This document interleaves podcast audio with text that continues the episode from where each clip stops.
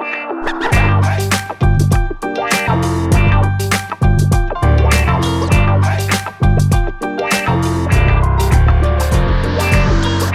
welkom bij een nieuwe aflevering van een podcast over voeding. In deze podcastserie gaan we in op de wetenschap achter voeding en laten we wetenschappers aan het woord over allerlei thema's die met voeding te maken hebben. Bart Mol van I'm Foodie is er natuurlijk ook weer bij. Hoi Bart. Ja, Arnoud, goedemorgen. Het is alweer de laatste show van uh, 2023. Time flies. Althans, voor Broodje Jaap dan. Die we... De laatste Broodje Jaap van 2023 inderdaad. Oh. We hebben nog uh, een, een kleine verrassing voor de luisteraars die eraan komt. Um, uh, maar dat is geen broodje Jaap, want het is uh, de laatste broodje Jaap van het jaar. Jaap zei al, we daarvoor nodig hoor Jaap. Ja, goedemorgen. Uh, broodje Jaap is natuurlijk onze rubriek waarin we een actualiteit doornemen binnen een kwartier of net iets meer.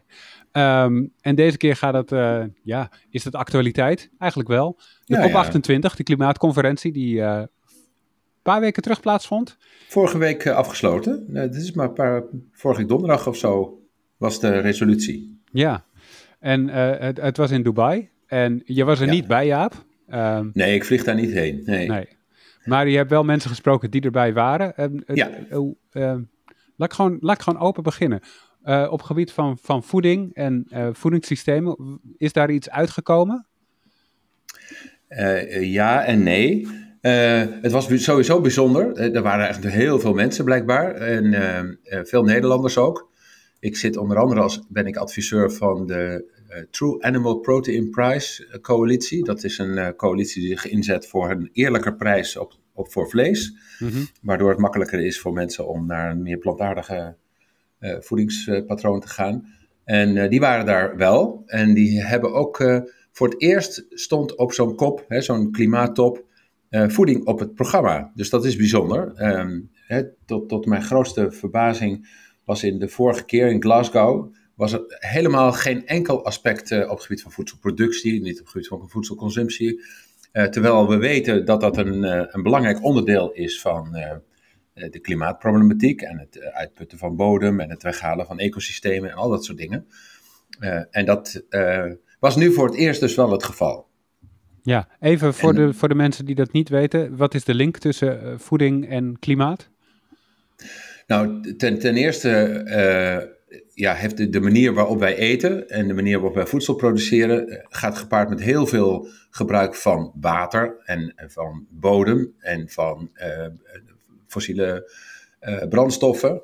En de uitstoot is dus ook een belangrijk onderdeel daarvan. He, vooral het feit dat we veel vlees eten, wordt altijd geassocieerd ik geloof dat uh, tussen de 30 en 40 procent van dat broeikaseffect uh, komt door het hele voedselsysteem oh, wow. wat we hebben. Uh, en dat is niet, niet duurzaam. En ehm, daarnaast gaat het gepaard met enorm veel dierenleed. En we hebben een, een, bevolking die straks 10 miljard mensen kost. En dan, ja, dan past het allemaal niet meer binnen die planetaire grenzen. En dat, dat is waarom het urgent is om het over voedselproductie en consumptie te hebben. en dat is dus nu voor het eerst ook zo ge gebeurd. Um, en ja, da daar, daar komt dan uit dat eigenlijk bijna alle landen wel onderschrijven dat je een, shift moet maken naar meer een eiwitrijk dieet. Toevallig kwam vorige week donderdag ook een advies van de Gezondheidsraad uit, uh, waarin uh, gekeken is naar de ambitie van de overheid om de verhouding tussen dierlijke eiwitbronnen en plantaardige eiwitbronnen, die nu 60-40% is, om die om te draaien naar 40-60%. En uit dat rapport, die analyses die gedaan zijn, is dat dat goed kan zijn voor klimaat en milieu en voor dierenwelzijn en ook voor de menselijke gezondheid. Want daarom heeft de Gezondheidsraad ernaar gekeken. Uh, dus er zijn niet zo heel veel mensen die daar erg tegen zijn, behalve dat ook in Dubai heel veel mensen waren van de vlees- en zuivelindustrie, die allemaal ja. betoogden dat uh, het allemaal reuze meevalt en dat uh, dieren juist op graslanden heel veel doen voor een gezondere bodem en zo. Dat is niet onwaar, maar de meeste dieren worden heel onduurzaam uh, gevoed en ook gehuisvest. Uh, dus dat, uh, ja, daar, daar, daar, werd flink gelobbyd, zoals altijd. Het was natuurlijk een hele vreemde plek om zo'n klimaattop te hebben, Dubai, hè, met een voorzitter die uit de olieindustrie komt. Ja. En het probleem bij, bij die COPs is dat er wel heel veel resoluties en ambities worden aangenomen, maar die, dat die allemaal vrijblijvend zijn. Uh, en dat is denk ik wat uh, ja, een beetje de makke is van, de, van die tops. dat is net zoals een preventieakkoord en zo. En al dat soort akkoorden die we met elkaar uh, sluiten. dat doen we vrijwillig. Hè? Alle partijen doen dat vrijwillig. En als ze het niet doen, wat ze beloven om te doen, dan zijn er ook geen sancties of zo. En, en dat maakt het. dus ja, is het een succes? Ja, er, het was een succes omdat belangrijke thema's zijn aangekaart. Dus terugschroeven van fossiele brandstoffen gebruik, dat staat in die resolutie waar ze eindeloos over gebakkeleid hebben, blijkbaar. Uh, ook dat er een transitie moet gaan naar uh, meer dierlijke, uh, van dierlijk naar plantaardige voedingsmiddelen. En dat, maar hoe, ja, hele concrete maatregelen met, met, met sancties en afspraken, die zitten daar dan weer niet bij. Oké, maar als je, want dit is niet de eerste klimaatop. de, het cijfer 28 duidt voor mij aan dat het de 28ste kan zijn geweest. Ja, maar de eerste dus waar voeding op het programma stond. En dat is denk ik, uh, ja. Maar waar ik naartoe wilde was de vraag van, want je kan terugkijken. Dit zijn allemaal altijd al vrijwillige, vrijblijvende afspraken. In hoeverre leidt dit nou echt tot actie bij landen? En... Ja, uh, nou wel tot, tot ambities en tot beleid. Hè, want het, het Parijsakkoord, dat wordt nog steeds gezien als een leidend thema als het gaat om klimaatverandering. En de vorige regeringen, die hebben daar ook heel veel eh, middelen voor uitgetrokken. In de beleidsplannen staat dat ook. Het is de vraag wat een nieuwe coalitie natuurlijk gaat doen. Ja. die, die, waar sprake is van klimaathysterie en zo. Dat, dan, dan, dan weet je niet of dat voortgezet wordt. Het is een bedreiging. Maar Europa uh, als EU heeft ook heel belangrijke ambities als het gaat om het terugdringen van fossiele brandstofgebruik. En ik denk dat heel veel maatschappelijke partijen, ook het bedrijfsleven enzovoort, ook, ook dat wel zien. Dus dat, ik maak me daar niet zo heel veel zorgen over. Wat heel veel mensen altijd denken is die verschuiving naar meer plantaardige voeding, dat dat gepaard gaat met grootschalige tekorten. En, en, en uh, ja, geen gezondheidswinst, in tegendeel, misschien wel ongezondheid. Uh, en ja, dat, dat wordt dus nu onderzocht. Hè? Dus het, de Gezondheidsraad heeft daar dus een rapport over laten verschijnen.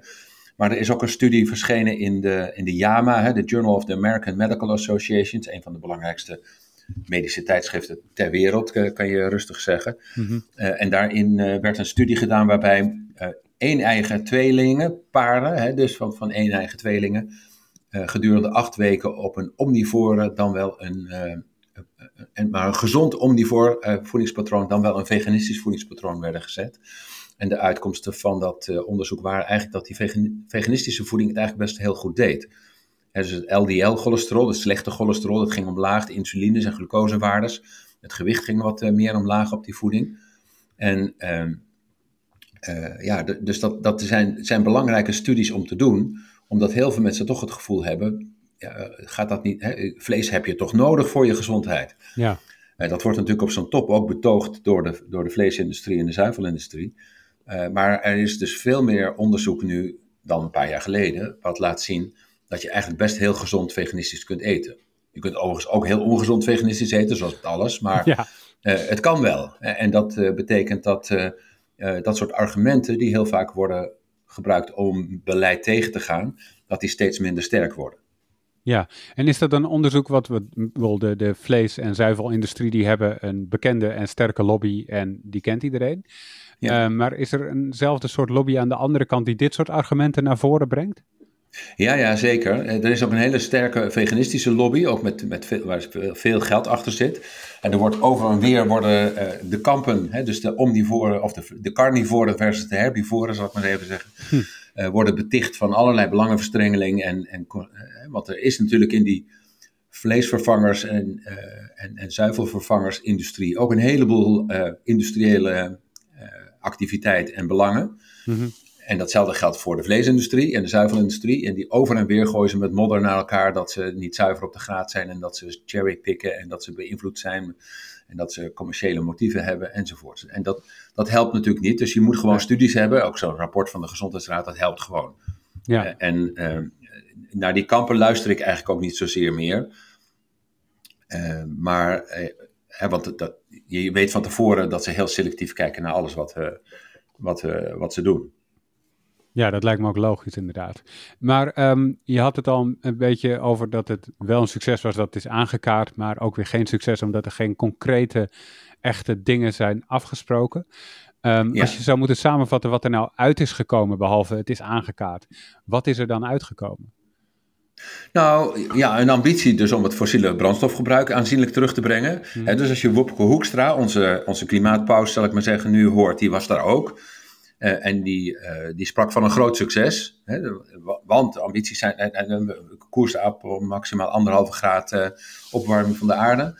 En ehm, eh, ook de mensen die zeg maar voor het eerst nu spraken over voedselproductie en vo- voedselconsumptie, die zeiden ook ja, we, we vinden het succesvol dat daar dus afspraken over zijn gemaakt.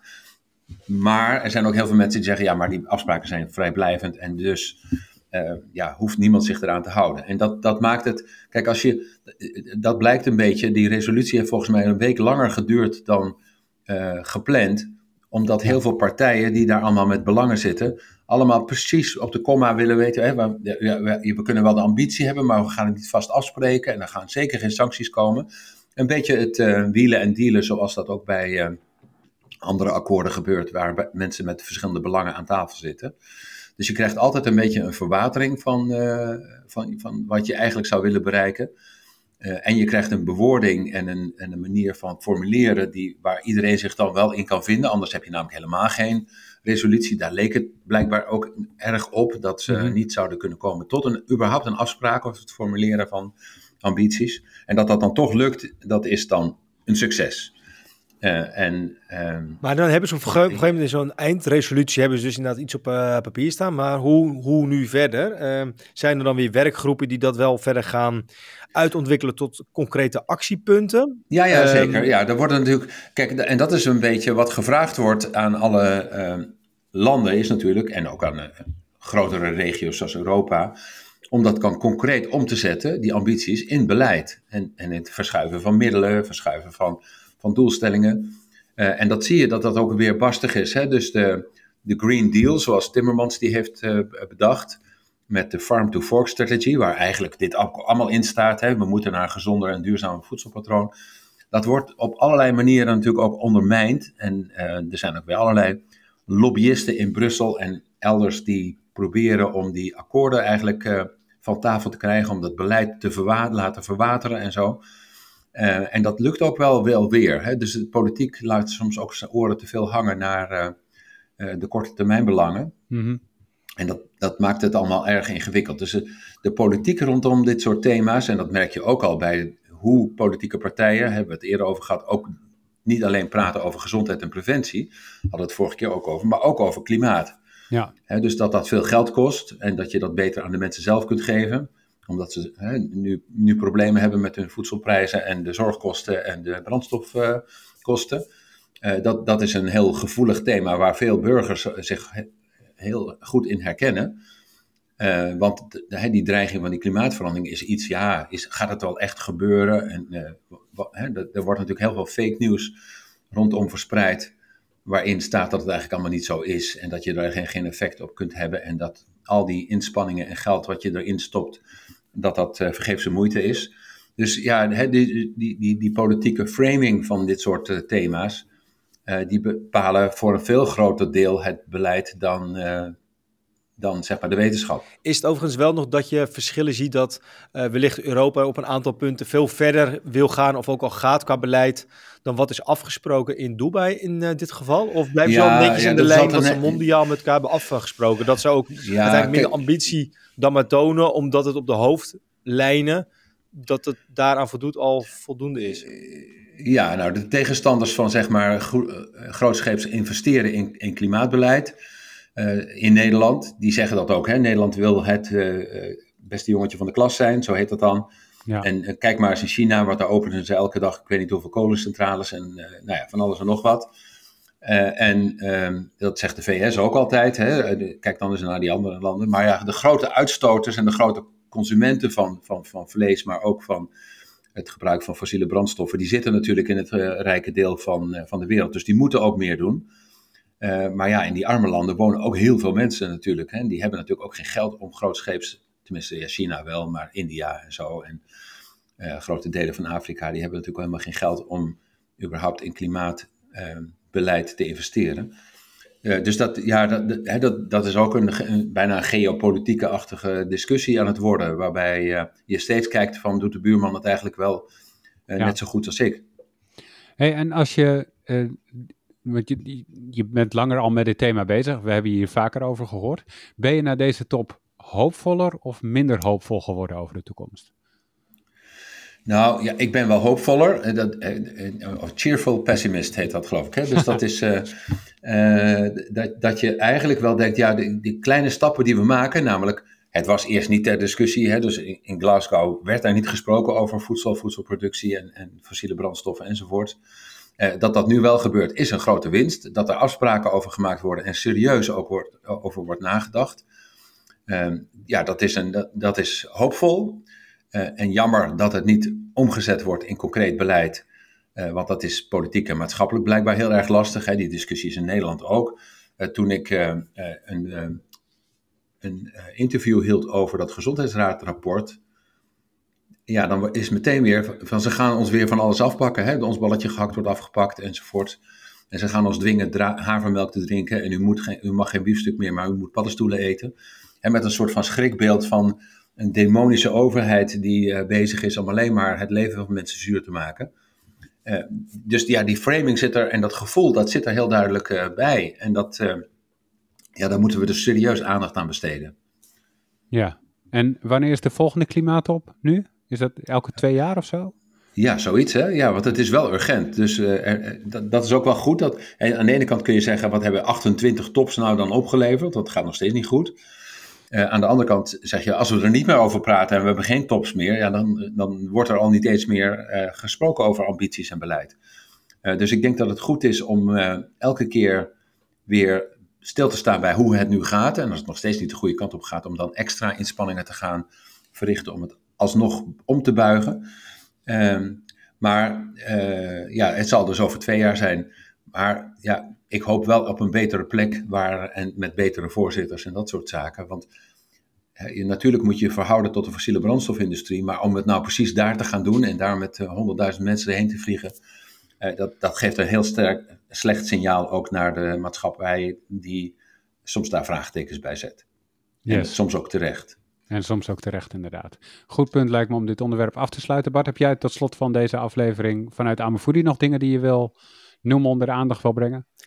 Nou, ik zou eigenlijk mensen willen oproepen om in deze periode van het jaar nog even te kunnen reflecteren op 2023, wat je eigenlijk allemaal hebt, hebt behaald of niet hebt behaald. Of dat je misschien een mooi toplijstje zou kunnen maken voor een top 5 van punten privé of zakelijk. Wat zijn je wensen voor 2024 qua is het sport? Is het misschien op het gebied van voeding? Welke kleine stukjes je misschien kan uh, verbeteren? Uh, ja, neem dat onder de loep. Dus uh, als je straks lekker in uh, de kerst kijkt van, en je hebt ergens nog een uurtje vrij of nog een uurtje, dat je daar mee bezighoudt. En ik hoor en Marijke altijd vaak zeggen dat het niet zozeer uitmaakt wat je tussen kerst en oud en nieuw doet, maar wat je tussen oud en nieuw en kerst doet. Dat is een ah, stuk langere ja. periode, dus die wou ik nog even inbrengen. Dus dat is copyright van uh, Marijke. Maar uh, nou, voor de rest iedereen uh, gezond 2024. Wat een mooie gedachte. Ik wil ook nog wel zeggen, ken nou iemand die interesse heeft in klimaatbeleid? Stuur deze podcast dan door, daar heeft diegene wat aan. Hebben wij wat aan? Want meer luisteraars, ook in het nieuwjaar, zou meer beter zijn. Um, en dan rest me om jullie te bedanken voor, ja, voor, voor dit jaar. Dankjewel Bart. Zeker, Arnoud. Het was me weer een genoegen. En ik kijk weer uit naar uh, 2024, dat we weer uh, veel broodjes Jaap uh, mogen smeren. En uh, reguliere shows van POF maken. Ja, lijkt me ook. Dankjewel, Jaap. Met, ja, graag gedaan ook. het is een plezier om dit te doen. En ehm, ja, er is altijd wat te vertellen. Hè? Want er is ja. echt heel veel actualiteit. En ik denk dat we tijdens de kerstdagen ook weer een hoop informatie krijgen die we kunnen bespreken. Inderdaad. En tijdens kerst denk je meer aan voeding dan tijdens sommige andere dagen. Althans, dat geldt voor heel veel mensen. Dus fijne kerstdagen alvast. En uh, tot de volgende keer. Later.